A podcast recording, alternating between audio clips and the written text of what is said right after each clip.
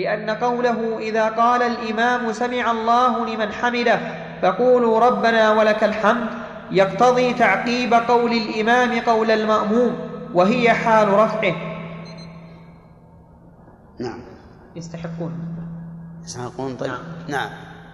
لو تشرحها يا شيخ ملء ما شئت من شيء بعد؟ نعم.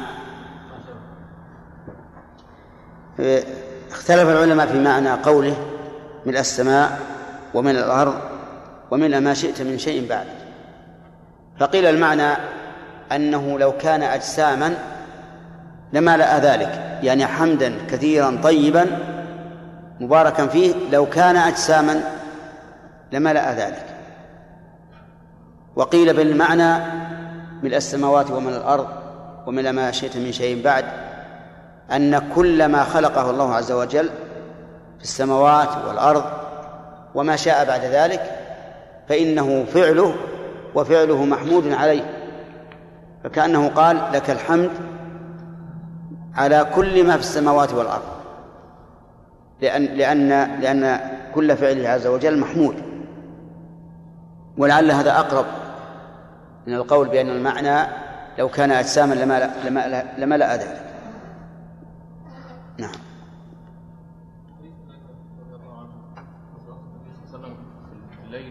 وقرأ البقرة ثم الأموال وركع وكان يقوم كذلك وقرر فوق سبحان ربي العظيم هل يستدل به أنه لا يتكرر لا يكرر أذكار الركوع كما الاستفتاح؟ لا إيش؟ أنه لا يكرر أذكار الركوع ويقتصر على ركن واحد ذكر واحد ويكرره ولا يجمع من الأذكار لا ثبت عنه أنه كان يقول سبوح قدوس رب الملائكة والروح وثبت عنه في حديث عائشة كان يكثر أن يقول في ركوعه وسجوده سبحانك اللهم ربنا وبحمدك اللهم اغفر لي. نعم. عمر.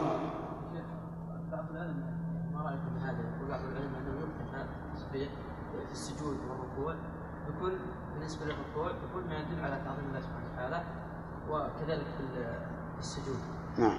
يعني بدون التنصيص على سبحان ربي العظيم وسبحان ربي الاعلى يمكن هذا أخذه من قول الرسول عليه الصلاة والسلام فعظموا فيه الرب. ولكن نقول ما ورد عن النبي عليه الصلاة والسلام فهو خير. والعدول عما جاءت به السنة في الأذكار لا ينبغي حتى لو فرض أن هناك لفظا يصح أن يعتمد عليه في العموم كهذا الذي ذكرت عظموا فيه الرب. فالمحافظة على ما جاء به النبي على ما ورد عن النبي صلى الله عليه الصلاة والسلام أولى. طيب يا شيخ لو قال سبوح القدوس وقال سبحانك اللهم وبحمدك وقال خشع لك ومثل وعظم إلى آخره ولم يقل سبحان ربي العظيم. فإنه لا يجزئ لا يجزئه نعم. يعني لا بد أن يقول سبحان رب العظيم لقوله عظموا فيه الرب. كان نقول أسجد نعم.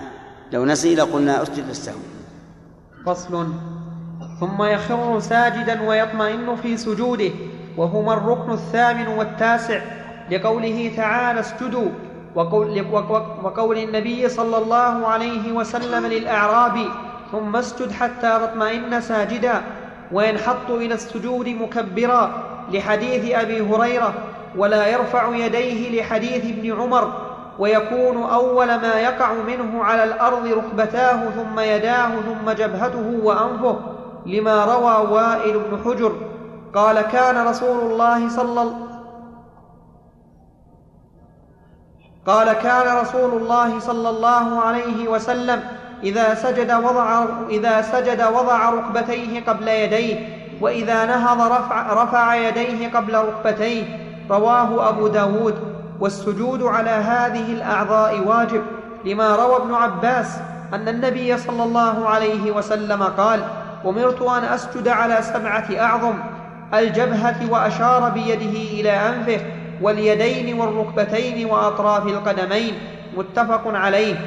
وفي الأنف روايتان إحداهما لا يجب السجود عليه لأنه ليس من السبعة المذكورة والثانية تجب والثانية تجب لإشارة النبي صلى أن يجب.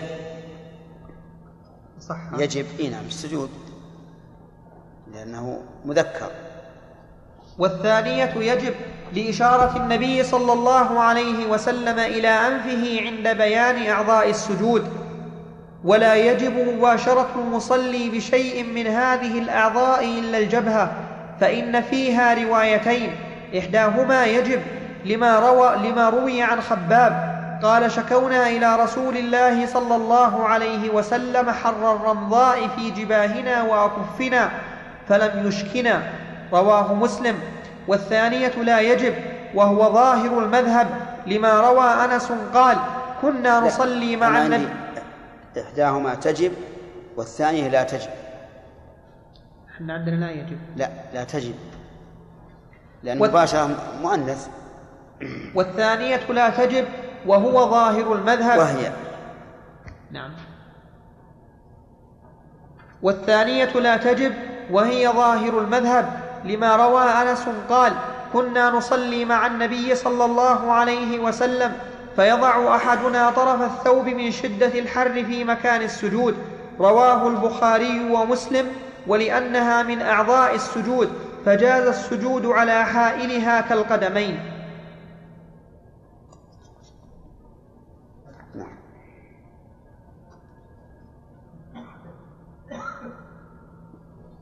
وهذه المسألة الصحيح أنها أنه يكره أن يضع الإنسان شيئا دون جبهته مما هو متصل به كثوبه ومشلحه قترته وأما إذا كان منفصلا فلا بأس لأنه ثبت عن النبي صلى الله عليه وعلى آله وسلم أنه سجد على الخمرة. وقد قال العلماء بهذا الصدد إن الساجد على حائل أو إن السجود على حائل ينقسم إلى ثلاثة أقسام. القسم الأول أن يسجد على حائل من أعضاء سجوده مثل أن يضع يديه هكذا ويضع جبهته على يديه فهذا لا يجزي الثاني أن يسجد على حائل متصل به كثوبه ومشلحه وغترته فهذا يكره إلا إذا كان هناك حاجة كشدة الرمضة لحديث أنس أو أن تكون الأرض فيها شوك متعب أو فيها حصن صغيرة تتعب الجبهة ولا يطمئن فلا بأس. الثالث أن يكون الحائل منفصلا عنه وليس من أعضاء السجود منفصلا عنه.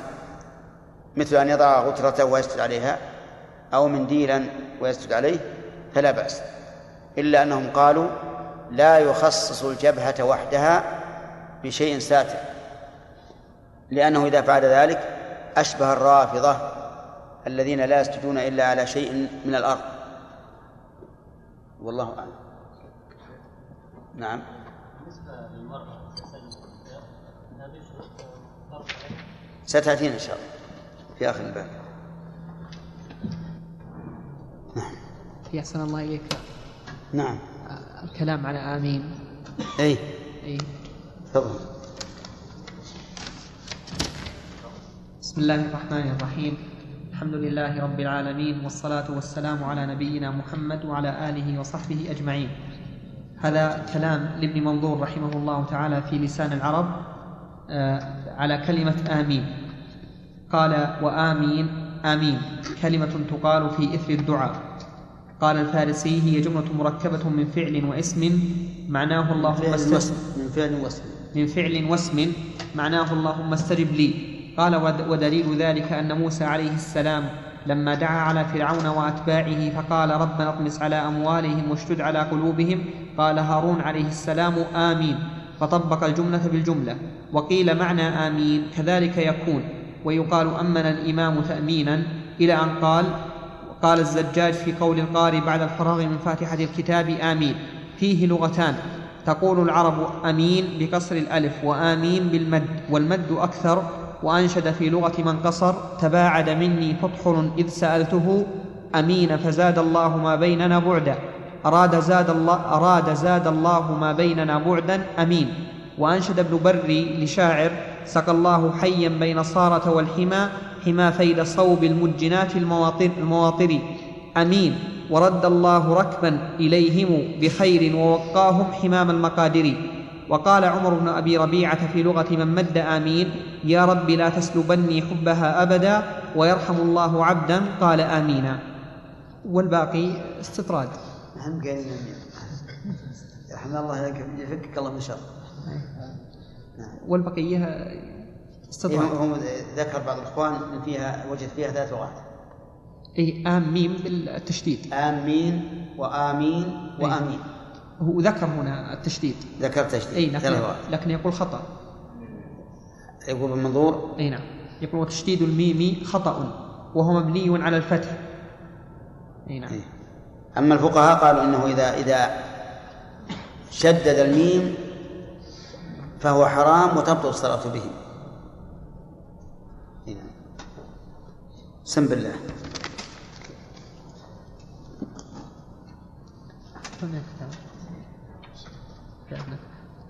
بسم الله الرحمن الرحيم.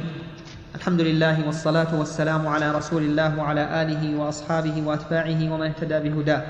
أما بعد فقد قال الإمام الموفق أبو محمد رحمه الله تعالى في الركن التاسع من أركان الصلاة في كتاب الكافي ويستحب أن يجافي عضديه عن جنبيه وبطنه عن فخذيه وفخذيه عن ساقيه لما روى أبو حميد أن النبي صلى الله عليه وسلم جافى عضديه عن إبطيه ووصف البراء سجود النبي صلى الله عليه وسلم فوضع يديه واعتمد على ركبتيه ورفع عجيزته وقال هكذا كان رسول الله صلى الله عليه وسلم يسجد رواه أبو داود ويستحب أن يضم أصابع يديه. وقال أهل العلم وينبغي أن يرفع ظهره ولا يمد ظهره. يرفعه يعلولي يعني يرفعه إلى العلا فوق ولا يمده. وما فعله بعض الطلبة الصغار حيث إذا سجد يمتد حتى تكاد تقول إنه قد انبطح فهذا لا أصل له. والمجافاة هو أن الإنسان يسجد معتدلا في سجوده ولكن يرفع ظهره. نعم.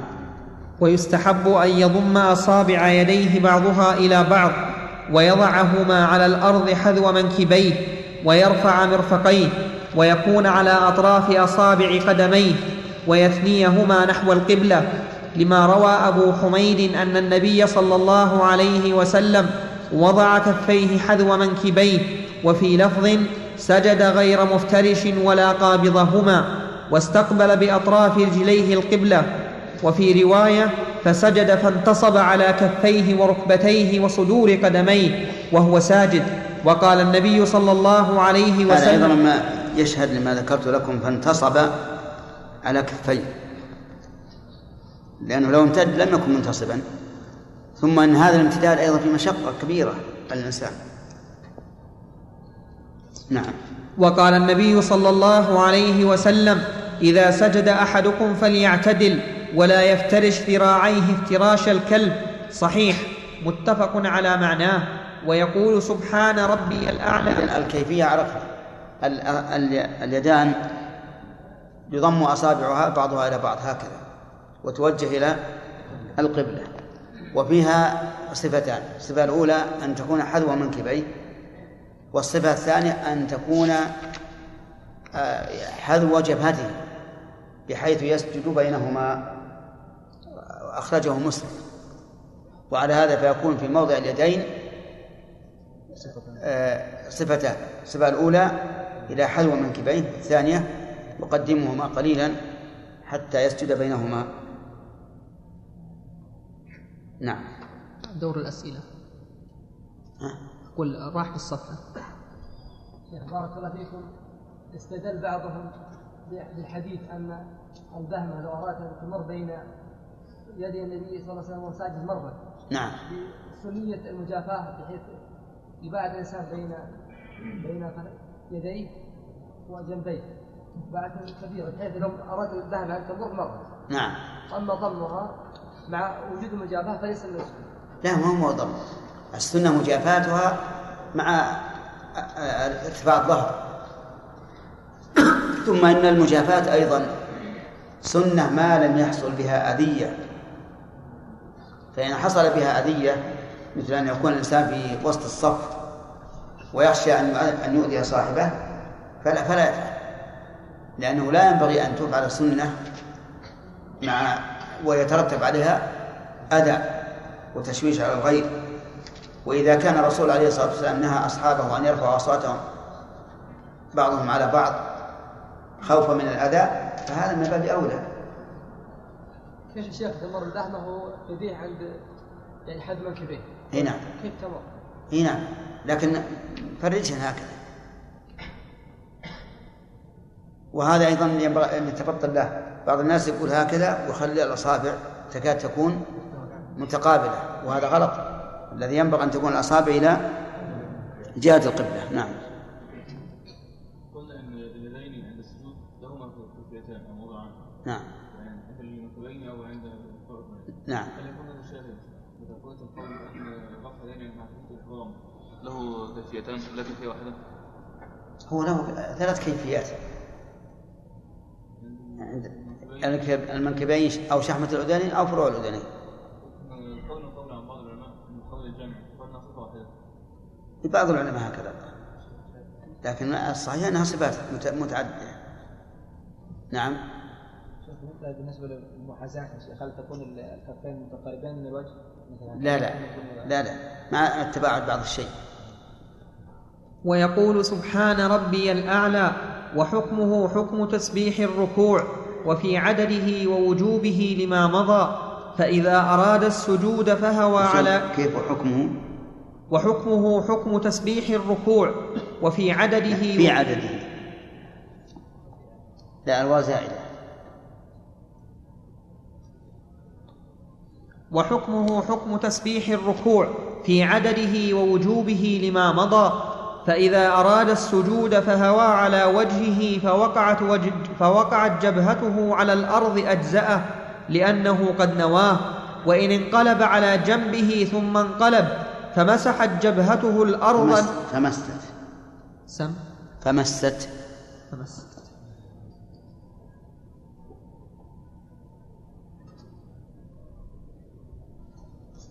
ثم انقلب فمست جبهته الأرض ناويا السجود أجزأه وإن لم ينو لم يجزئه ويأتي بالسجود بعده. فصل. ثم يرفع رأسه مكبرا. وي... هذه المسألة واضحة. يعني الإنسان أراد أن يسجد من قيام ثم حصلت له دوخة فسقط على الأرض و- ووقعت جبهته على الأرض واستقر ساجدا. فهنا نقول يصح.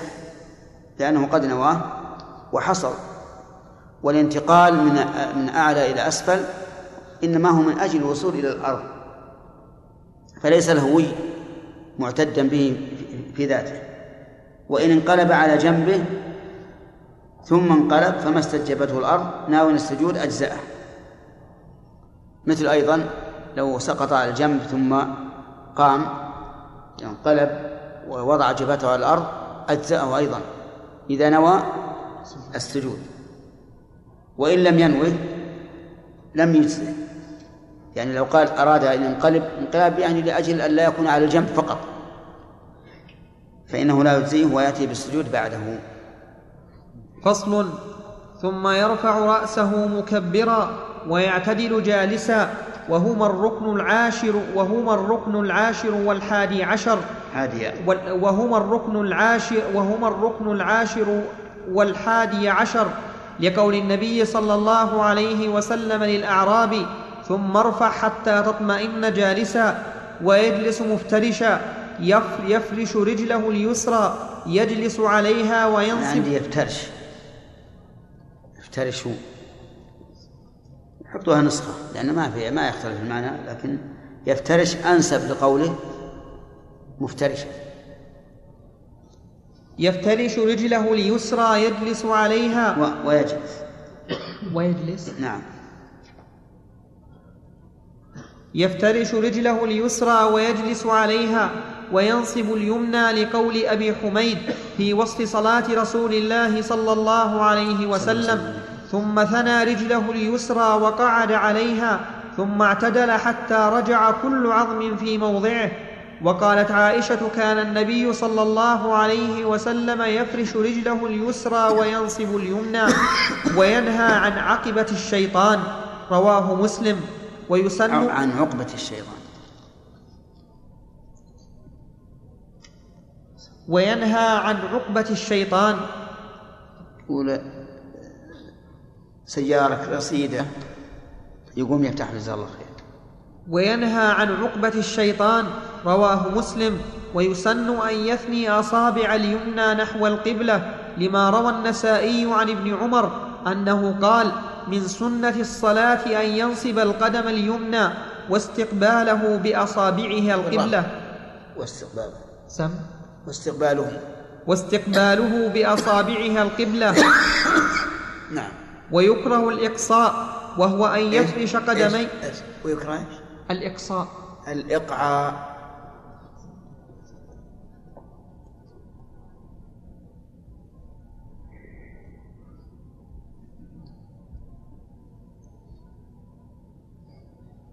ويكره الإقعاء وهو أن يفرش قدميه ويجلس على عقبيه ويجلس على عقيبه.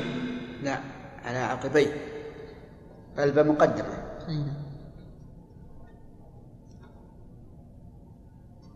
ويجلس على عقبيه بهذا فسره أحمد لحديث أبي حميد وعائشة وعن أحمد أنه قال لا أفعله ولا أعيب من فعله العبادلة كانوا يفعلونه وقال ابن عباس هو سنة نبيك صلى الله عليه وسلم رواه مسلم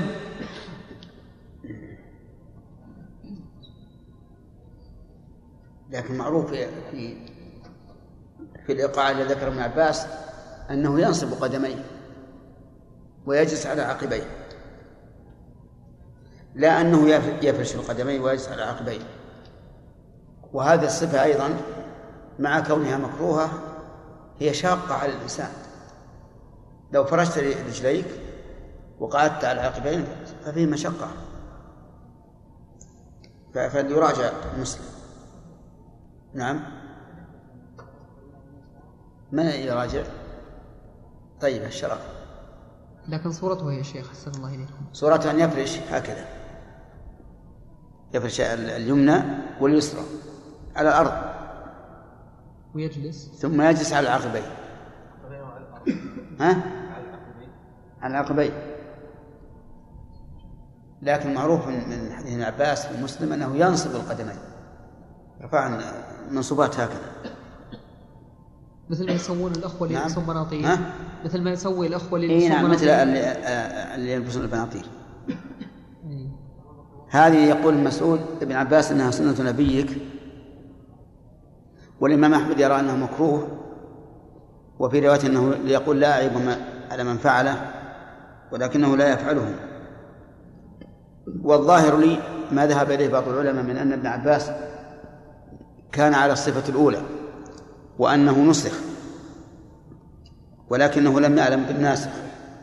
كما فعل عبد الله بن مسعود رضي الله عنه كان إذا ركع يطبق بين يديه ويضعهما بين ركبتيه.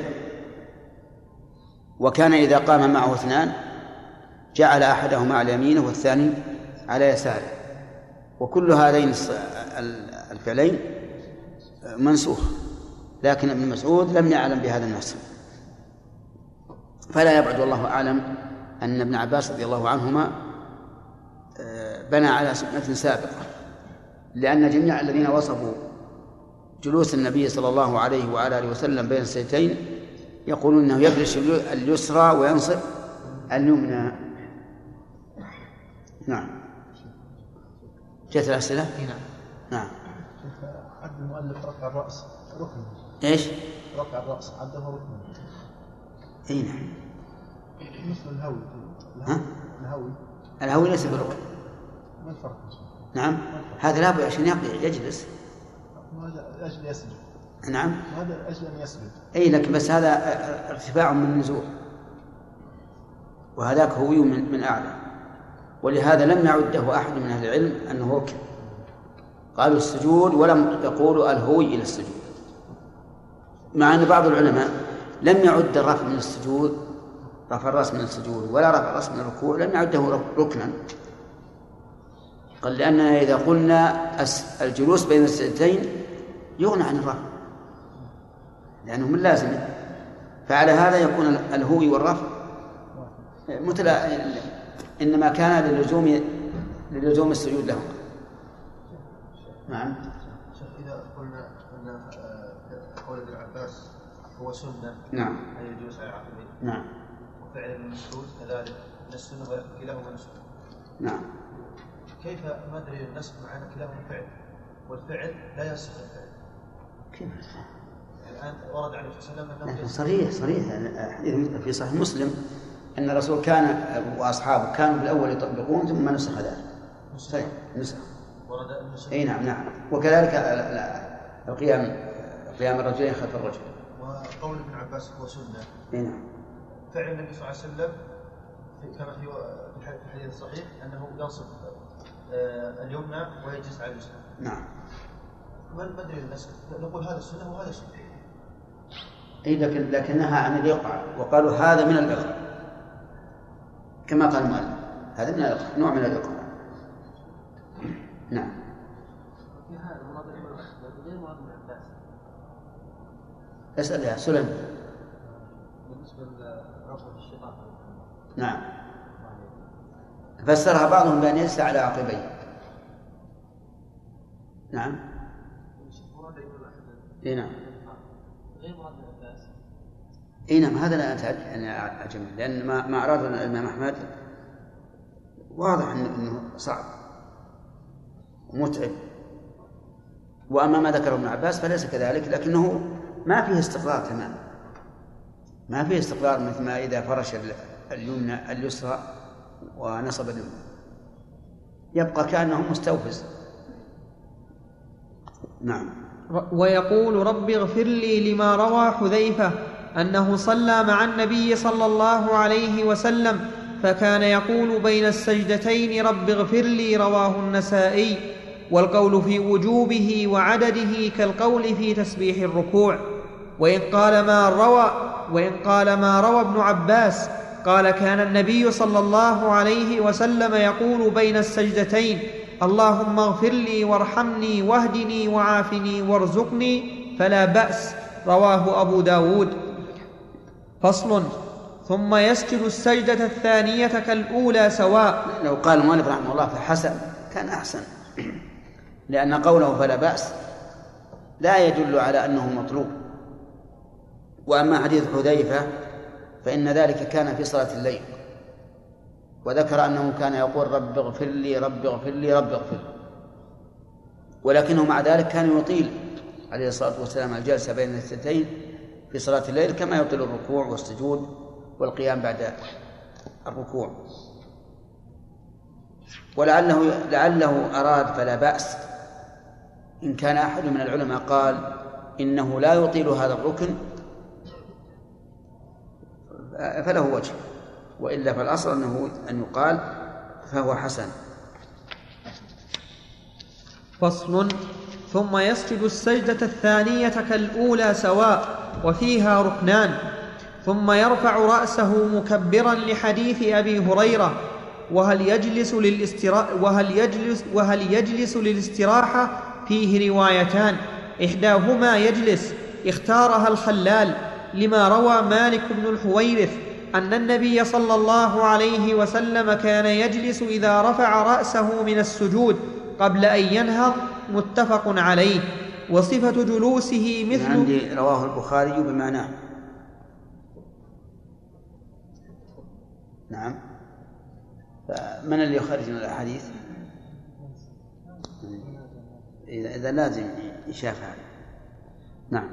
وصفة جلوسه مثل جلسة الفصل لما روى أبو حميد في صفة صلاة رسول الله صلى الله عليه وسلم قال ثم ثنى رجله وقعد واعتدل حتى رجع كل عظم في موضعه ثم نهض حديث صحيح وقال الخلال روى عن أحمد من لا أحصيه كثرة أنه يجلس على على أليتي على أليت أليتيه نعم.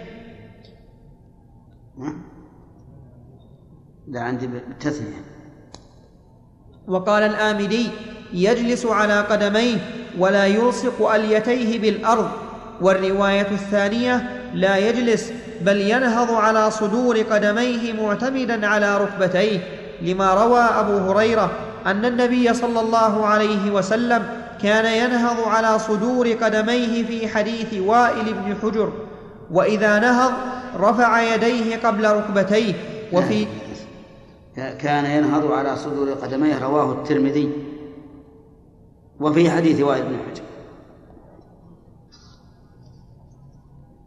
على صدور قدميه رواه الترمذي.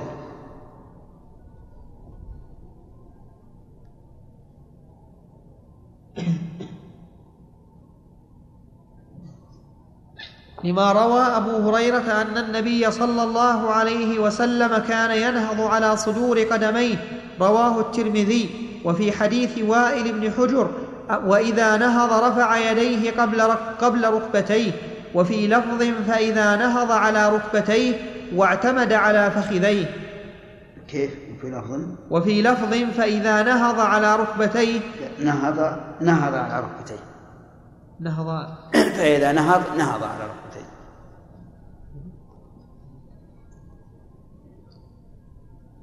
وفي لفظ فإذا نهض نهض على ركبتيه واعتمد على فخذيه رواه أبو داود ولا يعتمد بيديه على الأرض لما ذكرنا إلا أن يشق ذلك عليه لضعف, لضعف أو كبر.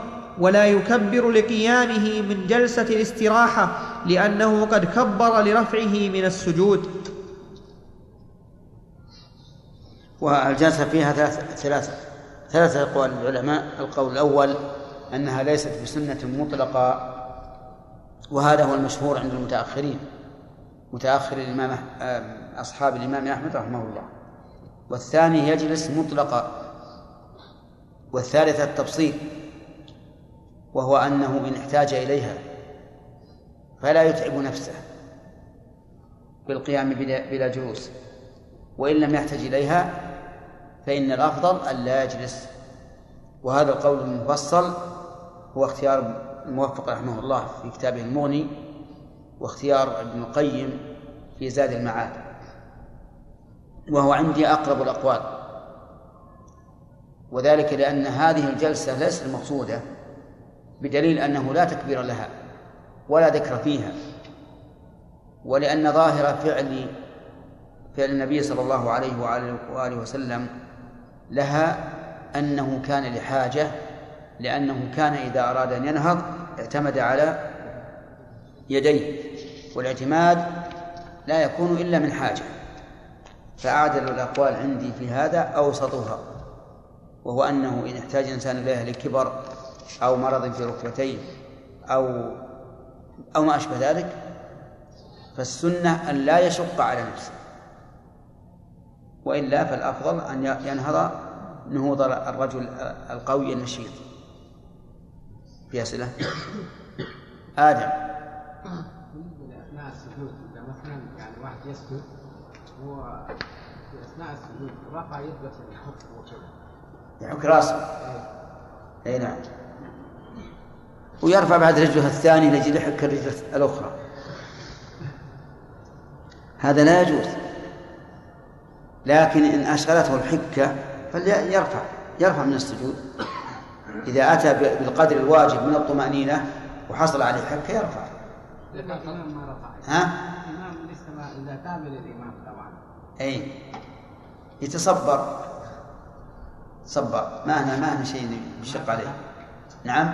ما في حل. ما في ما في حل. أمرت أن أسجد على سبعة أعظم بارك الله فيك يا شيخ. إذا كان الإمام يرى جلسة الاستراحة والمأمون لا يراها. هل نعم. هل المأموم يتأخر في السجود أو يجلس؟ لا لا يجلس. الأفضل أن يجلس مع إمامه متابعة له. وبالعكس الأفضل أن لا يجلس. لو كان الإمام لا يراها. والمأموم يراها فالأفضل أن لا يجلس. هل الأقوال مجرد هو الوجوب؟ الأقوال المجردة أو الأفعال قصدك. الأقوال. الأفعال الأقوال حسب إذا كانت أمر فالأصل فيها الوجوب. هذه فعل من يقول هذا فعل. طيب كما كما قال المؤلف فيها خلاف. التسبيح فيه خلاف والتكبير فيه خلاف مع تكبيرة الإحرام. والتسميع فيه خلاف.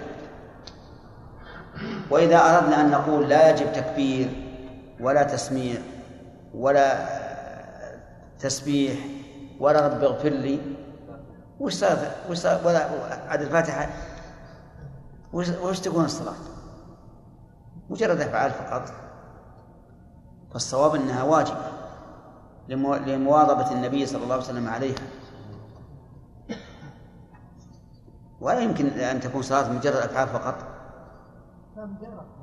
ولهذا يقال أن أحد العلماء كان يخاطب أحد الأمراء وهو على مذهب من لا يرى وجوب قراءة الفاتحة ولا الطمأنينة ولا التكبيرات ولا لفظ الله أكبر فأراد أن يصلي أمامه.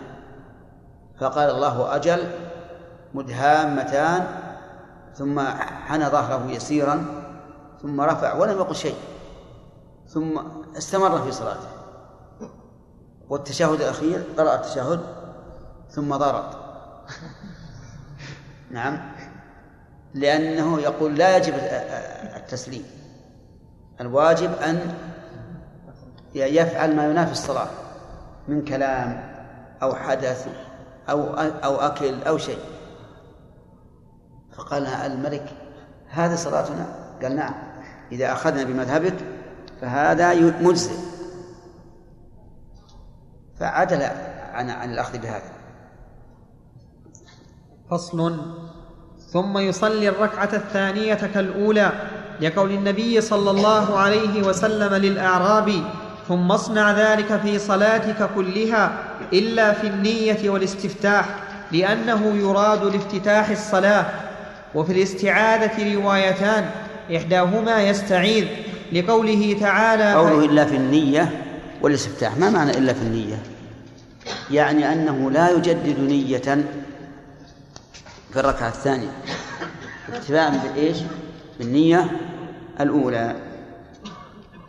وأما الاستفتاح فبينه رحمه الله. والاستعاذة فيها روايتان. نعم. وفي الاستعاذة روايتان.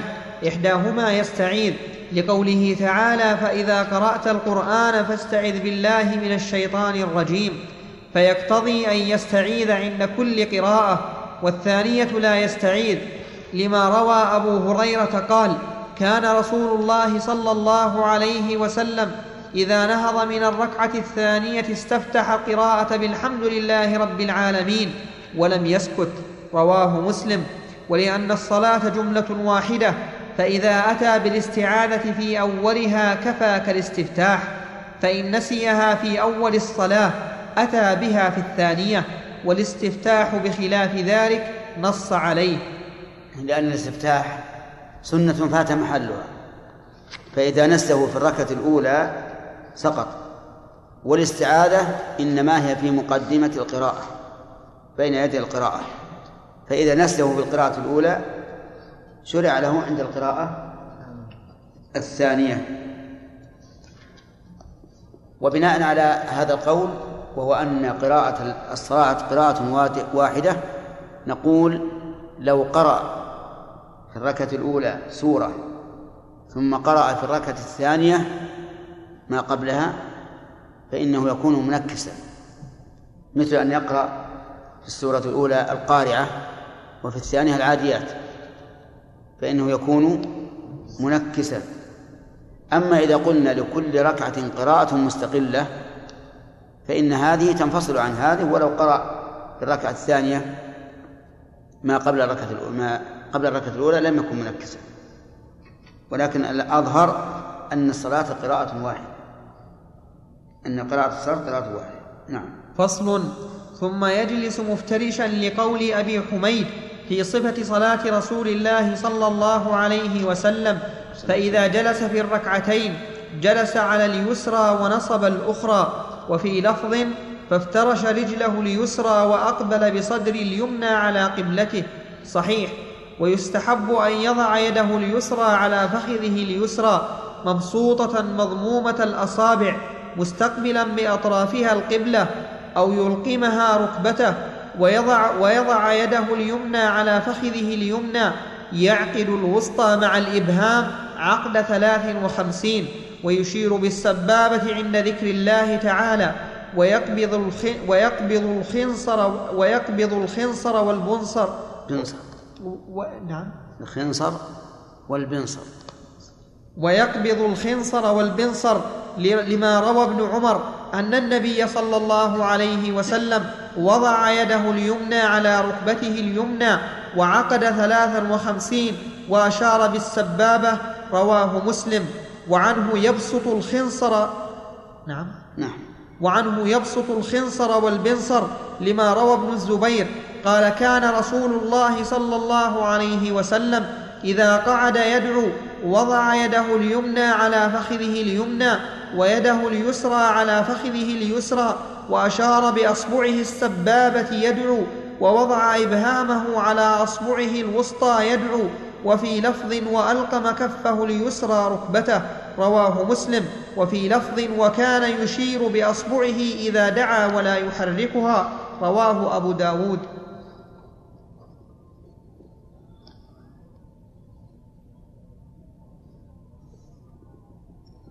كيف هذه الكيفية؟ نعم. يقول عنه يبسط الخنصر والبنصر. نشوف الحديث. لما روى ابن الزبير قال كان رسول الله صلى الله عليه وآله وسلم وسلم إذا قعد يدعو وضع يد- يده اليمنى على فخذه اليمنى ويده اليسرى على فخذه اليسرى وأشار بأصبعه السبابة يدعو. ووضع إبهامه على أصبعه الوسطى. يدعو هكذا. هكذا. هذا هذا كلام المؤلف. لكن الحديث لا يدل عليه. لكن على كلام المؤلف هو يقول هكذا. يعني إما أن يحلق أو أو يقول هكذا. لكن الصفة الواردة عن الرسول عليه الصلاة والسلام هي هكذا تح- تحليق أو هكذا هذا هو الوارد قول يبسط الخنصر والبنصر لعل فيها سهو وأنه قال وعنه يقبض الخنصر والبنصر ها؟ نعم لا هذه خلها بعدين كيف؟ هكذا ها؟ هذه حتى ظاهر فيها صعوبة بعض الشيء؟ إيه، إيه، تراجع علينا في الإنصاف يا خالد. استنى يا شيخ. راجع في الإنصاف. أبشر أحسن. نعم. نعم. إيش؟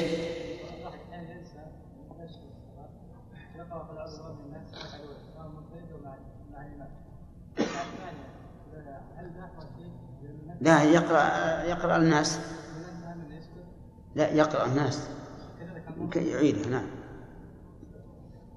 أما إلقام اليسرى للركبة يقول هكذا. مثلا هكذا. لأن فيه بسط على الفخذ وفيه إلقاء. كله وارد. نعم. ها؟ لا هكذا. يلقيها مع الضم بالنسبة للتنكيس هل مبني على انه ترتيب السور توقيف يعني؟ لا بعضها توقيف وبعضها اجتهادي لكن لكن إذا كان اجتهادي ما لا, لا ينبغي لنا أن نخالف ما اتفق عليه الصحابة أو أكثرهم. نعم؟ صحيح نعم. فصل. ثم يتشهد لما روى ابن مسعود. طيب في, في يقول وفي لفظ كان يشير بأصبعه إذا دعا ولا يحركها كيف يشير ولا يحرك؟ الإشارة لا بد فيها من من تحريك. ولكنه ورد في حديث يحر يحركها يدعو بها. وجمع بينهما بأن المراد أنه لا يحركها هكذا دائما. وإنما يحركها عند عند الدعاء إشارة إلى علو الله عز وجل. نعم. فصل. ثم يتشهد لما روى ابن مسعود قال علمني رسول الله. بما ثم يتشهد بما. بما روى ابن مسعود نعم. تشهد بما. ها؟ عدلها. ثم يتشهد بما روى. فصل. ثم يتشهد بما روى ابن مسعود. قال علمني رسول الله صلى الله عليه وسلم التشهد. كفي بين كفيه. كما يعلم كما يعلمني السورة من القرآن. التحيات لله والصلوات والطيبات. السلام عليك أيها النبي ورحمة الله وبركاته. السلام علينا وعلى عباد الله الصالحين. أشهد أن لا إله إلا الله وأشهد أن محمدا عبده ورسوله متفق عليه. قال الترمذي هذا أصح حديث.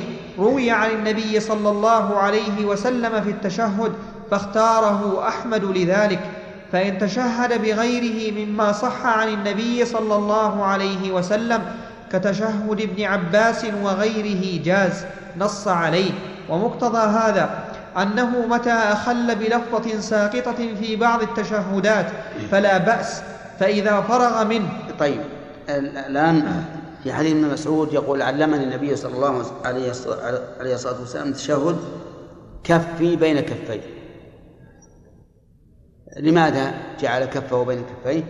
من أجل الاهتمام والعناية. وقولك كما يعلمني السورة من القرآن أيضا يدل على عنايته بهذا التشهد. وتشهد ابن مسعود هو أصح ما ما ورد في التشهد. ولكن إذا تشهد بما جاء عن بما صح عن النبي صلى الله عليه وعلى آله وسلم فلا بأس. إلا أن هذا التفريع الذي ذكره المؤلف فيه نظر وهو قوله ومقتضى هذا أنه متى أخل بلفظة ساقطة في بعض التشهدات فلا بأس. هذا فيه نظر لأنه إذا قلنا بهذا القول صار يمكن أن يأتي بتشهد ملفق من هذا كلمة ومن هذا كلمة. ولكن نقول الصواب أنه لا يخل بلفظة من تشهد أراد أن يتشهد به. فإذا أراد أن يتشهد في شهادة ابن مسعود فإنه لا يخل بركعة بلفظة. أو بلفظ أو بحديث ابن عباس فإنه لا يخل بلفظة منه لأنه ورد أي التشهد على هذه الكيفية المعينة. أما أن يأخذ من هذا لفظة ومن هذا لفظة ويسقط ما لم يتفقا عليه فهذا فيه نظر ظاهر. نعم. فإذا فرغ منه وكانت الصلاة أكثر من ركعتين لم يزد عليه لما روى ابن مسعود أن النبي صلى الله عليه وسلم كان يجلس في الركعتين كان يجلس في الركعتين الأولتين كأنه على الرضف رواه طيب. ك... انتهى الوقت بقي سطرين يا شيخ. ها؟ بقي سطرين على نهاية الفصل. طيب نقرأ. كان يجلس في الركعتين الأولتين كأنه على الرضف. رواه أبو داود. شلون كان يجلس؟ في الركعتين الأولتين كأنه على الرضف. الأولتين. كان يجلس في الركعتين الأولتين كأنه على الرضف. رواه أبو داود لشدة تخفيفه. ثم نهض مكبرا كنهوضه. ينهض, ينهض. ثم ينهض مكبرا كنهوضه من السجود ويصلي الثالثة والرابعة كالأولتين إلا في الجهل. الأوليين عندي يعني. عندكم؟ لا. الأولتين؟ طيب ما ماشي إلا في الج... كال... كالأولتين إلا في الجهرية ولا يزيد على فاتحة الكتاب لما قدمناه. أنا عندي صلى الثالثة والرابعة كالأولين إلا في الجهر تقول الجهرية عندكم؟ إي نعم.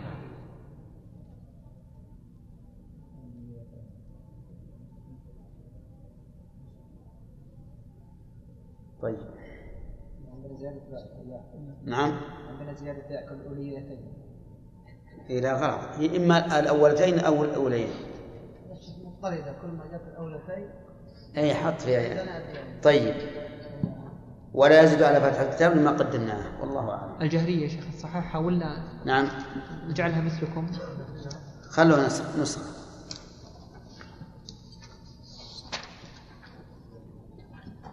شيخ إذا نقص التشهد الصلاة كيف؟ إذا أما الواجب إذا تعمد بطل الصلاة يعني التشهد الأول.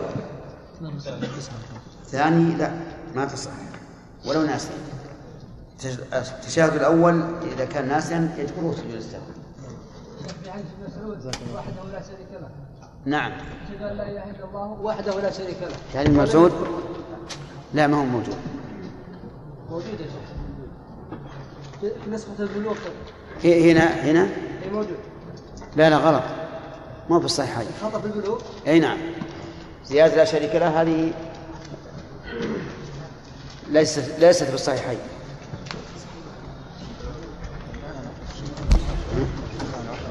نعم سم. أحسن الله إليكم. بحث في بسط الخنصر والبنصر. أي. أي نعم. جبته؟ أي نعم. كم أقرأ. نعم. بسم الله الرحمن صوت خلي- اي ما ما بعد. ركب بسم الله الرحمن الرحيم. الحمد لله رب العالمين والصلاة والسلام على نبينا محمد وعلى آله وصحبه أجمعين.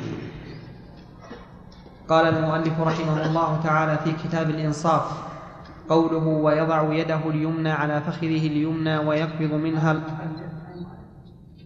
مؤلف الإنصاف. نعم. نعم.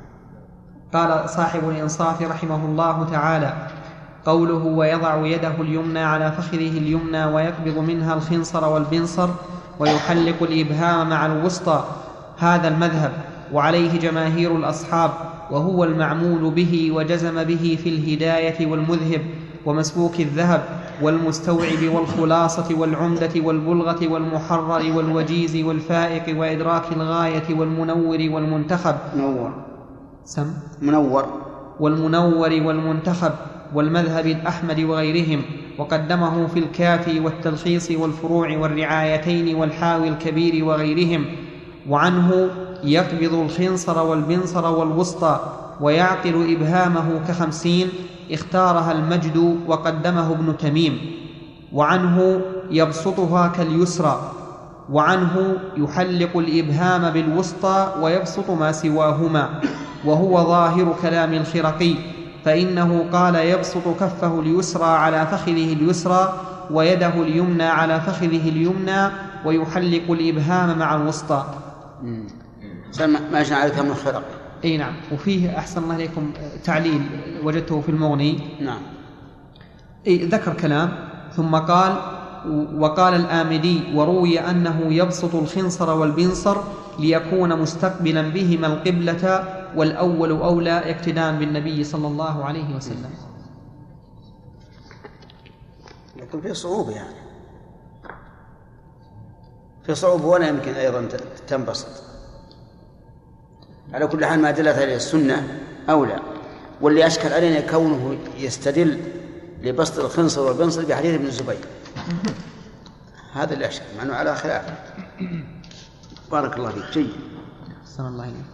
نعم. قال المؤلف رحمه الله تعالى قال الإمام الموفق أبو محمد رحمه الله تعالى في كتاب الكافي فصل فإذا فرغ جلس فتشهد وهما الركن الثاني عشر الثاني عشر والثالث عشر. لأن النبي صلى الله عليه وسلم أمر به وعلمه ابن مسعود ثم قال فإذا فعلت ذلك فقد تمت صلاتك رواه أبو داود. وعن ابن مسعود قال كنا نقول قبل أن يفرض علينا التشهد السلام على الله قبل عباده فقال النبي صلى الله عليه وسلم لا تقولوا السلام لا تقولوا السلام على الله السلام. لا تقولوا السلام على الله ولكن قولوا التحيات لله فدل هذا على أنه فرض.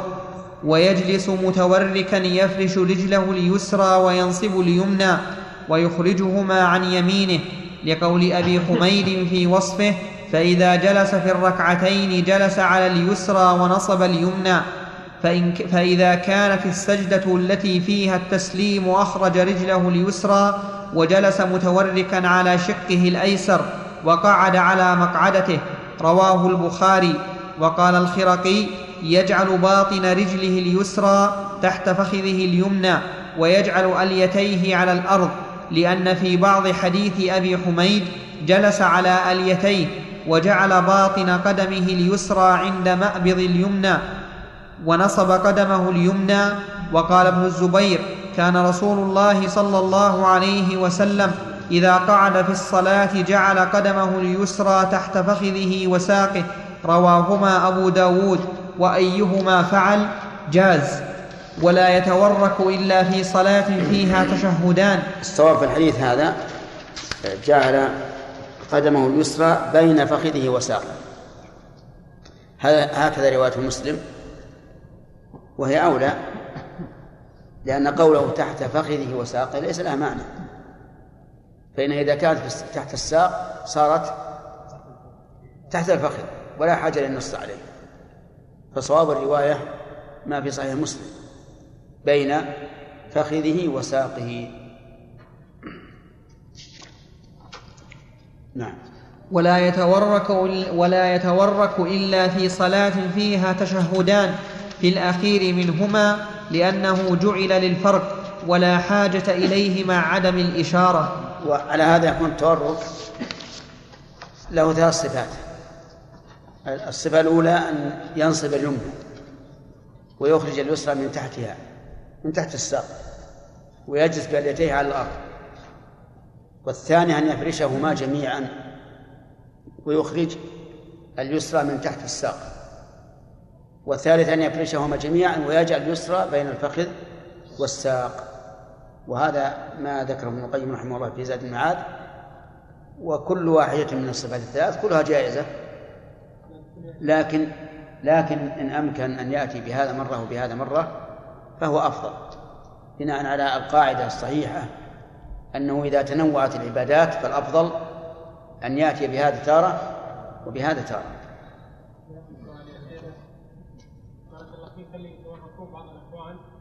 ترفعون الركبة على الأرض. هذا جميل. أي لأنه قد يكون بعض الناس ما يستطيع أن يضع الركبة على الأرض إذا إذا جعل رجله اليسرى تحت الساق. هذا إذا كان جسمه قصيرا لكن لما يكون طويل. إذا كان ساقه طويل؟ نعم. على كل حال هو الأحسن أنها تكون الركبة على الأرض. لكن يكون أحيانا فيه مشقة.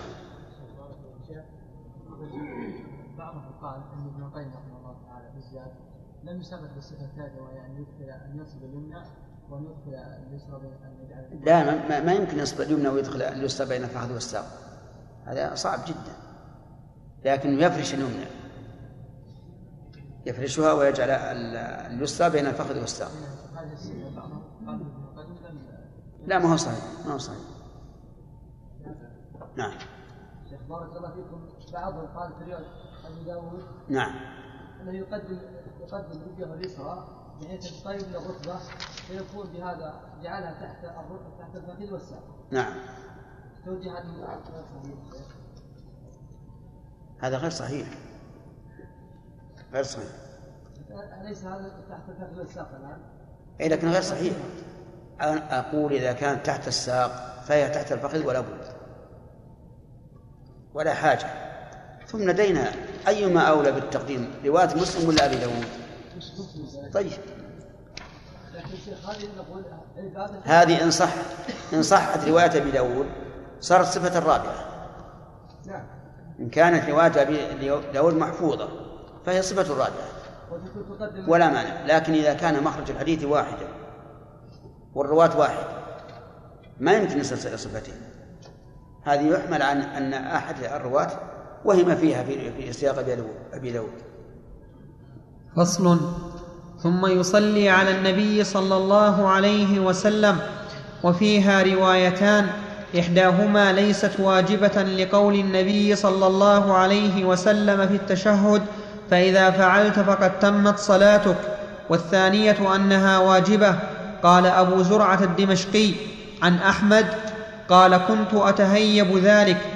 ثم تبينت فإذا الصلاة واجبة ووجهها ما روى كعب بن عجرة قال إن النبي صلى الله عليه وسلم خرج علينا فقلنا يا رسول الله قد علمنا كيف نسلم عليك فكيف نصلي عليك؟ قال قولوا اللهم صل على محمد وعلى آل محمد كما صليت على آل إبراهيم إنك حميد مجيد. وبارك على محمد وعلى آل محمد كما باركت على آل إبراهيم إنك حميد مجيد متفق عليه. قال بعض أصحابنا وتجب الصلاة على هذه الصفة لأمر النبي صلى الله عليه وسلم بها والأولى أن يكون الأفضل هذا وكيفما أتى بالصلاة أجزأه لأنها رويت بألفاظ مختلفة فوجب أن يجزئ منها ما اجتمعت عليه الأحاديث. بس هذه القطعة فيها فائدة من حيث الأصول. اولا الصلاة على النبي صلى الله عليه آله وسلم في التشهد الأخير وهو الذي يعقبه السلام سواء في ثنائية أو ثلاثية أو رباعية. فيها روايتان عن أحمد. إحداهما أنها ليست بواجبة وأن الإنسان إذا اقتصر على التشهد الأول وسلم أجزأه. والدليل قوله إذا فعلت ذلك فقد تمت صلاته. والثانية أنها واجبة ووجهها ما روى كعب بن عجرة أن النبي صلى الله عليه وآله وسلم خرج علينا فقال فقلنا يا رسول الله قد علمنا إلى آخره. ووجه ذلك أنه قال قولوا اللهم صل على محمد. لكن في بعض الروايات فكيف نصلي عليك إذا نحن صلينا عليك في صلاتنا؟ وهذا يدل على أنه من المتقرر عندهم أنهم يصلون عليه في الصلاة. أما لو كان اللفظ كما قال المؤلف فقط لكان قوله قولوا اللهم صل على محمد ليس للوجوب. لكن لبيان الكيفية لأنهم سألوا عن إيش؟ عن الكيفية ولم يسألوا عن أصل الصلاة. فعلى هذا يكون الأمر بقوله قولوا بيانا للكيفية لا للوجوب. لكن إذا نظرنا إلى الروايات التي أشرت التي ذكرتها إذا نحن صلينا عليك في صلاتنا فإن هذا يدل على أن الصلاة عليه عليه الصلاة والسلام كانت متقررة. وبهذا يمكن أن نقرر الوجوب. يمكن أن نقرر الوجوب. ثم إذا قلنا بوجوب الصلاة عليه فهل يكتفى بقولها اللهم صل على محمد كما هو المشهور من المذهب أو لا بد أن نقول كما أرشد إليه النبي صلى الله عليه وعلى آله وسلم؟ في هذا خلاف أشار إليه المؤلف. فبعض الأصحاب قال لا بد أن نقول الصيغة. التي وجه إليها النبي صلى الله عليه وعلى آله وسلم. لأنه قال قولوا اللهم صل ثم ذكر الحديث. وبعضهم يقول إذا قلت اللهم صل على محمد كفى. لأنك أتيت بالمقصود ولكن الكيفية التي ذكرها رسول الله صلى الله عليه وعلى آله وسلم أولى وأفضل. ثم قال المؤلف لأنها رويت بألفاظ مختلفة فوجب أن يجزي منها ما اجتمعت عليه الأحاديث. هذا فيه نظر. وقد سلكه الأصحاب رحمهم الله في في التشهد الأول فقالوا إذا أتى بما اجتمعت عليه الأحاديث كفى. وهذا فيه نظر ظاهر.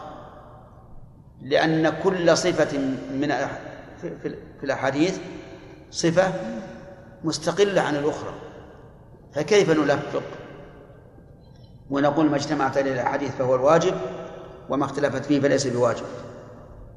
يقال إذا كانت الأحاديث وردت على صفة معينة فيكتفى بإحدى الصفات. لا بأن نلفق لأنك إذا لفقت لم تكن أتيت لا بهذا اللفظ ولا ولا بهذا اللفظ. فكيف يقال إن هذا تلفيق إننا نلفق. فالطريقة التي مشى عليها هنا طريقة ضعيفة. ولكن يقال لو أتى الإنسان بأدنى ما ورد أجزأه عن أعلى ما ورد. وفي قول الإمام أحمد كنت أتهيب ذلك دليل على ورعه رحمه الله في إلزام الناس ما لم يدل الدليل على الإلزام به وأنه يجب على الإنسان أن يتهيب أن يقول هذا واجب والله لم يجبه. أو هذا محرم والله لم يحرم لكن يقال لا يفعل أو يفعل ويكتفي. وإن كان بعض الناس يعني يلز الإنسان ولا بد أن تقول إما واجب ولا حرام. ولكن إذا لم يتبين لك التحريم والوجوب فقل لا أنا أقول يفعل هذا أقول يترك هذا ولست ولست بملزم. أن تقول فيما لا تعلم يقينا أنه واجب أو أنه محرم إنه واجب أو محرم. نعم. ها؟ آه، آه، الآن لا الراجح والله أعلم أنه يكتب يكتفى ب... ب... اللهم صل على محمد. لكن المؤلف رحمه الله لم يبين أنها ركن. بل قال إنها واجبة. نعم. ولم يبين أنها ركن. وهذا أحد الأقوال الثلاثة في المسألة. فالمسألة فيها ثلاثة أقوال. أنها سنة واجب ركن. والمشهور من المذهب أنها ركن ولا تصح الصلاة إلا بها. في سؤال؟ نعم. ها؟ لا في الأول في الثاني. في الثاني. سبق أن الأول أن أن الأفضل الاقتصار على قوله أن محمد عبده ورسوله. واجب كيف واجب؟ الشهادة الأول. التشهد واجب ما في إشكال. القول فيه. إيش الكلام هذا؟ الاقتصار عليه. قلت لك الصلاة على النبي صلى الله عليه وسلم في التشهد الأول ليست بواجبة لكن هل تزاد أو لا؟ سبق أن الأفضل أن لا تزاد. نعم. نعم. لأنه في الحديث في حديث ابن عباس وحديث ابن مسعود أن الرسول علمه التشهد. وكان عليه كما مر علينا كان يخفف التشهد الأول حتى كأنه على الرضا يعني على الحجارة المحماة. خلاص اختلف. نعم. فصل. ويستحب أن يتعوذ من أربع لما روى أبو هريرة قال كان رسول الله صلى الله عليه وسلم يدعو اللهم إني أعوذ بك من عذاب القبر ومن عذاب النار ومن فتنة المحيا والممات ومن فتنة المسيح الدجال متفق عليه. ولمسلم إذا تشهد أحدكم فليستعذ بالله من أربع وذكره وما دعا به مما ورد في القرآن والأخبار فلا بأس إلا أن يكون إماما فلا يستحب له التطويل كي لا يشق على المأمومين إلا أن يؤثروا ذلك. وقد روي عن أبي بكر الصديق أنه قال لرسول الله صلى الله عليه وسلم علمني دعاء أدعو به في صلاتي. قال قل اللهم إني ظلمت نفسي ظلما كثيرا ولا يغفر الذنوب إلا أنت فاغفر لي مغفرة من عندك وارحمني إنك أنت الغفور الرحيم. متفق عليه. يقول المؤلف رحمه الله أنه يستحب أن يتعوذ من أربع وذكرها. وقال بعض العلماء إنه يجب أن يتعوذ وذلك لأن النبي صلى الله عليه وعلى آله وسلم كان يفعل ذلك وأمر به. قال إذا تشهد أحدكم فليس وفي رواية التشهد الأخير كما في صحيح مسلم فليتع... فليستعذ بالله من أربع والأصل في الأمر الوجوب لا سيما وأن هذه الأربع من الأمور التي لو لو أحاطت بالإنسان لأهلكته.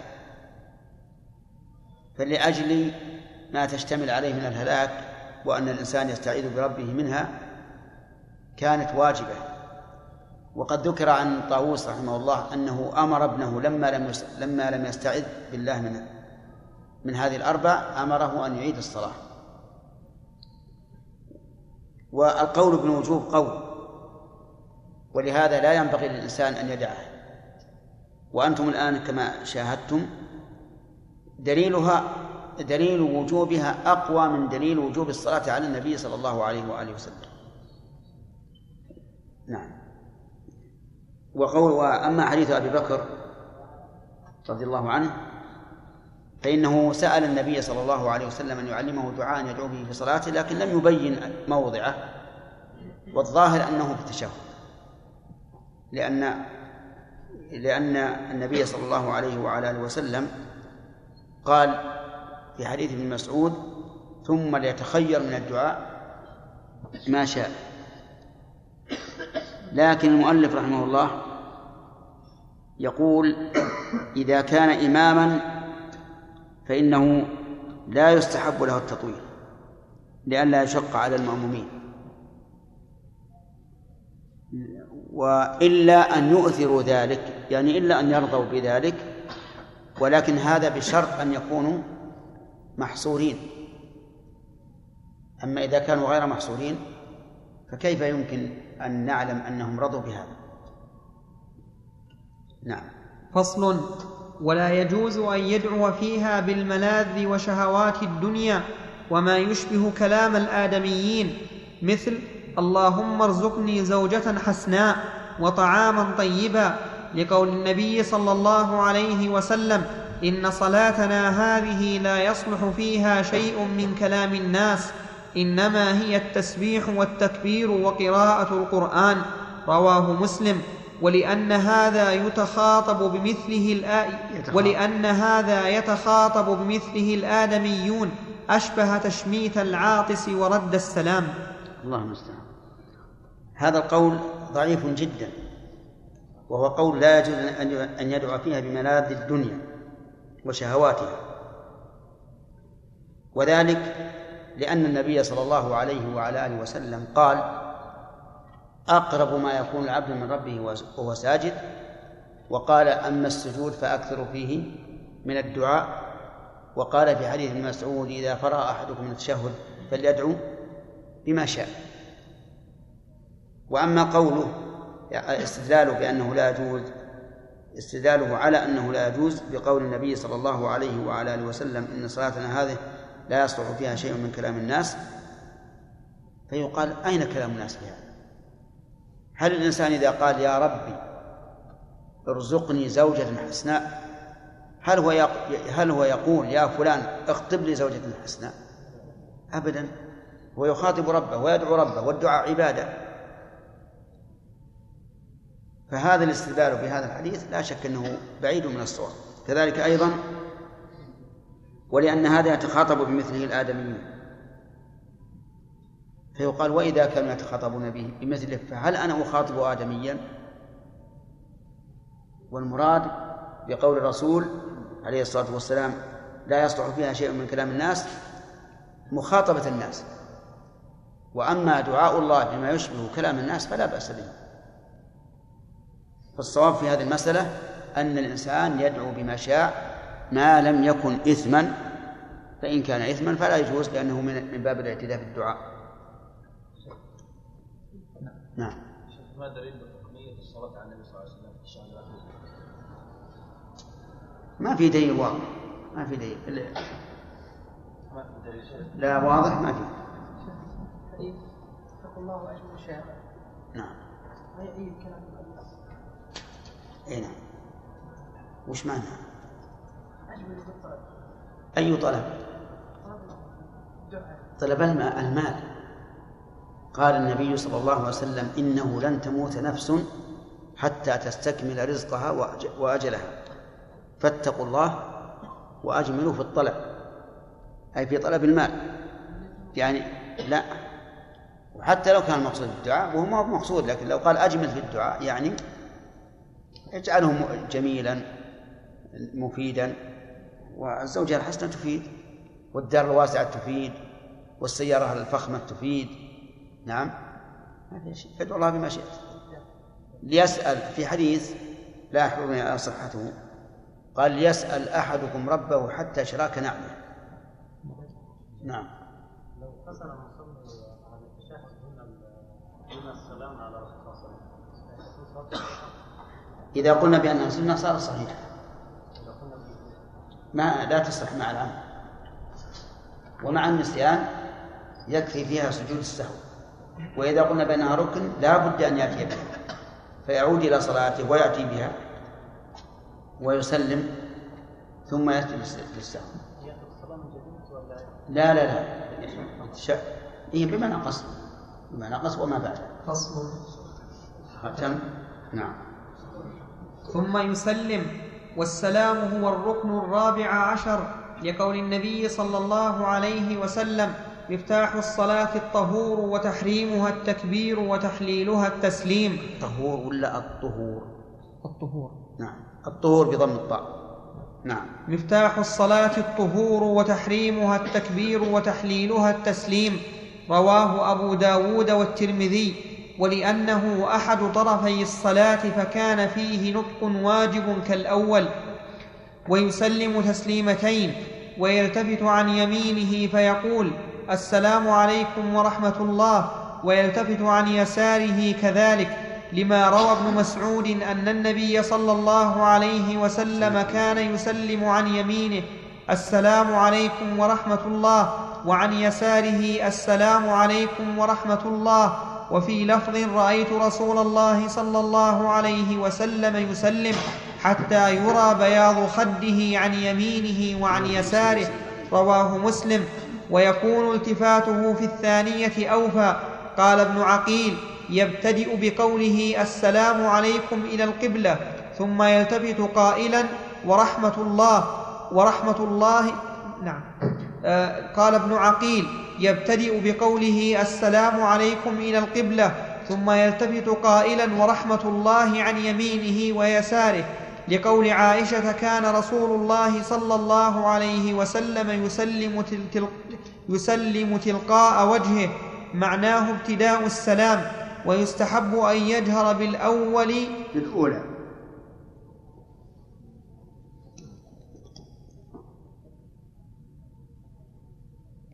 ويستحب أن يجهر بالأولى أكثر من الثانية. نص عليه أكثر, أكثر. ويستحب أن يجهر بالأولى أكثر من الثانية. نص عليه واختاره الخلال. وحمل أحمد حديث عائشة أن النبي صلى الله عليه وسلم كان يسلم تسليمة واحدة على أنه يجهر بواحدة. ويستحب الا يمد السلام. لأن أبا هريرة قال قال رسول الله صلى الله عليه وسلم حذف السلام سنة ورواه الترمذي وقال حديث صحيح. قال ابن المبارك معناه لا يمده مدا. قال أحمد معناه لا يطول به صوته. نعم. هذا التسليم. يقول السلام عليكم ورحمة الله. السلام عليكم ورحمة الله. عن اليمين والشمال. ويلتفت وكان النبي صلى الله عليه وعلى آله وسلم يلتفت حتى يرى بياض خده. وأما ما ذكره ابن عقيل ففيه نظر نظر أنه يقول السلام عليكم تجاه القبلة ثم يقول ورحمة الله. بل مقتضى حديث ابن مسعود ومقتضى اللفظ أيضا الخطاب أنه يلتفت من حين أن يبتدي بالسلام. لأن عليكم خطاب لمن وراءه فلا بد أن تكون الكاف بعد بعد التفاتته. وكذلك أيضا في كونه يجهر بالأولى أكثر من الثانية هذا يحتاج إلى دليل. فإن وجد دليل عن النبي صلى الله عليه وعلى آله وسلم فذاك. وأما حمل ما ورد أنه يسلم تسليمة واحدة على أنه يجهر بالأولى أكثر من الثانية ففي النفس منه شيء. إذ من الممكن أن نقول إن الاقتصار على تسليمة واحدة لبيان لبيان الجواز وليس لأنه يخفيها. ويحتاج إن شاء الله إلى أن نتحقق عن سند حديث عائشة الأول الذي استدل به ابن عقيل رحمه الله. نعم. بالنسبة لأعلم. أعلم؟ نعم. أعلم. أعلم. وهو أعلم ما يفعلون. نعم. فسرت بمعنى عالم. ف... إيش جاب هذا؟ نعم. وش جاب هنا؟ هذا النحو. الظاهر انك نمت شوي. نعم. عباس. كنا ذكرنا قاعدة فيه إذا ورد لفظ خاص. إيش؟ إذا كنا ذكرنا قاعدة أنه إذا ورد لفظ خاص يوافق حكم العام لا يخصص لفظ العام. نعم. فهنا قول النبي صلى الله عليه وسلم إذا تشهد أحدكم فليستعذ بالله من أربع. نعم. وردت رواية أخرى تقييد بالتشهد الأخير. إيش؟ تقييد بالتشهد الأخير. نعم نعم. فهل يخصص الأول؟ إيه مقيد. يقيد. يعني هذا ما ينطبق على قاعدة لا لا في شرط هذا شرط. ما ينافي القاعدة. نعم. يا شيخ حفظك الله. هل هناك صيغ أخرى للتسليم؟ مثل السلام عليكم ورحمة الله السلام عليكم ورحمة الله وبركاته. فيه فيه روايات أخرى رواه أبو داود. بإسناد قال الحافظ في الب- في البلوغ إنه صحيح. يمكن يمكن يذكر المؤلف. سؤال الأخ يحسب نعم. سؤال الأخ يحسب؟ أي يحسب اثنين لأن في غير محله نعم. والواجب تسليمة واحدة والثانية سنة لأن لأن عائشة وسهل بن سعد وسلمة بن الأكوع رووا أن النبي صلى الله عليه وسلم صلى مرة واحدة ولأنه إجماع حكاه ابن المنذر. وعنه أن الثانية واجبة لأن جابرا قال كان النبي صلى الله عليه وسلم إنما يكفي أحدكم أن يضع يده على فخذه ثم يسلم على أخيه من على يمينه وشماله رواه مسلم. صلى نعم. أن النبي صلى الله عليه وسلم كيف؟ أن النبي صلى الله عليه وسلم صلى مرة واحدة. سلم مرة اللي عندي فسلم تسليمة واحدة. أنا عندي عن سلمة وعائشة. الحديث الأول. إيه. حديث عائشة وسالم بن سعد وسلمة الأكوع رووا أن النبي صلى الله عليه وسلم صلى فسلم تسليمة واحدة. ها؟ صلى مرة واحدة لا صلى فسلم. تسليمة واحدة. نعم. ما يعني تسليمة واحدة مرة واحدة رووا أن النبي صلى الله عليه وسلم صلى فسلم تسليمة واحدة ولأنه إجماع حكاه ابن المنذر وعنه أن الثانية واجبة لأن جابرا قال قال النبي صلى الله عليه وسلم إنما يكفي أحد إنما يكفي أحدكم أن يضع يده إنما يكفي أحدكم أن يضع يده على فخذه ثم يسلم على أخيه من على يمينه وشماله. رواه مسلم. ولأنها عبادة لها تحللان فكان الثاني واجبا كالحج. الحديث الأول حديث الثلاثة إذا صح فهو دليل وا- واضح. لكن بعض العلماء حمله على أنه في صلاة النفل. وقال لم- يحفظ عن النبي صلى الله عليه وعلى آله وسلم أنه اقتصر على تسليمة واحدة في صلاة الفرض وأما حديث جابر الذي ذكره الأخير فهذا إنما قاله النبي عليه الصلاة والسلام لأنهم كانوا إذا سلموا قالوا بأيديهم هكذا كأنها أذناب خيل شمس فقال إنما كان يكفي أحدكم أن يضع يده على فخذه. ثم يسلم على من يمينه على من على يمينه وشماله. وهذا بي... بيان لحالهم التي كانوا يفعلون يسلمون على اليمين وعن وعن الشمال. وليس الصريحة في أن في أنه لابد من تسليمتين. المعنى يكفي أحدكم بدل من أن يقول هكذا. نعم. وإن اقتصر, وإن اقتصر على قوله السلام عليكم فقال القاضي ظاهر ما عندكم فصل؟ لا. لا في فصل.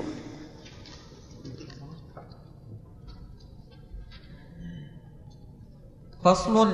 وإن اقتصر على قوله السلام عليكم فقال القاضي ظاهر كلام أحمد أنه يجزئه نص عليه في صلاة الجنازة. ول- لأن النبي صلى الله عليه وسلم قال تحليلها التسليم وهو حاصل بدون الرحمة. وعن علي أنه كان يسلم عن يمينه وعن يساره السلام عليكم السلام عليكم. وقال ابن عقيل الصحيح أنه لا يجزئ لأن من وصف سلام النبي صلى الله عليه وسلم من الصحابة قال فيه ورحمة الله ولأنه سلام ورد فيه ذكر الرحمة فلم يجزئه بدونها كالسلام على النبي صلى الله عليه وسلم في التشهد ويأتي بالسلام مرتبا فإن نكسه, فإن نكسه فقال عليكم السلام أو نكس التشهد لم تصح. وذكر القاضي وجها في صحته لأن المقصود يحصل وهو بعيد لأن النبي صلى الله عليه وسلم قاله مرتبا وعلمهم إياه مرتبا ولأنه ذكر يؤتى به في أحد طرفي الصلاة فاعتبر ترتيبه كالتكبير.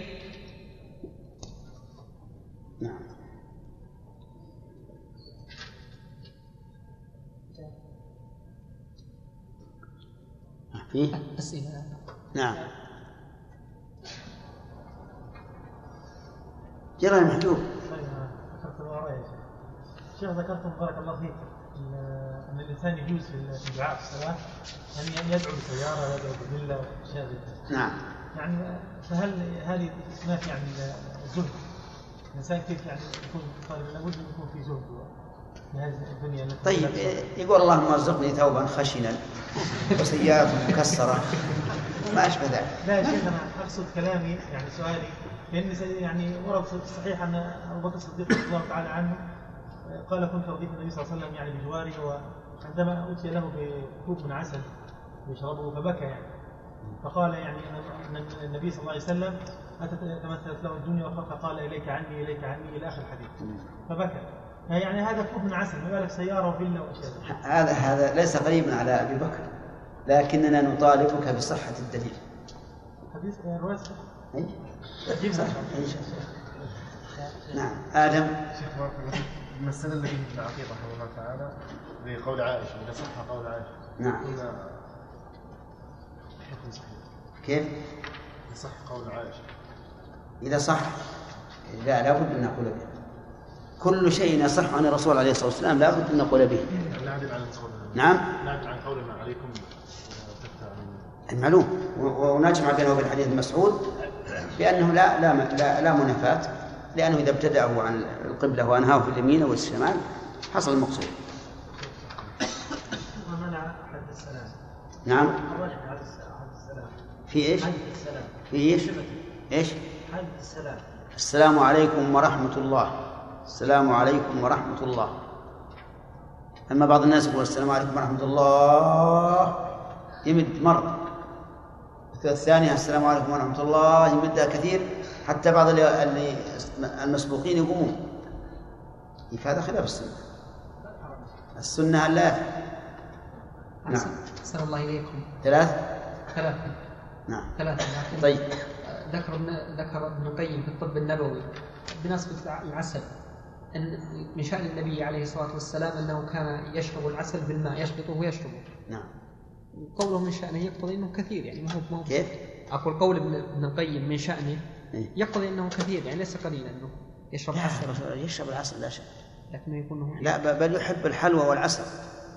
يحبها. لكن محجور على كلها ما في ما في معنى يسأل وينوي بسلامه الخروج من الصلاة. فإن لم ينوي لم تبطل صلاته نص عليه لأن نية الصلاة قد سلمت جميعها والسلام من قد جملة شملت قد شملت جميعها.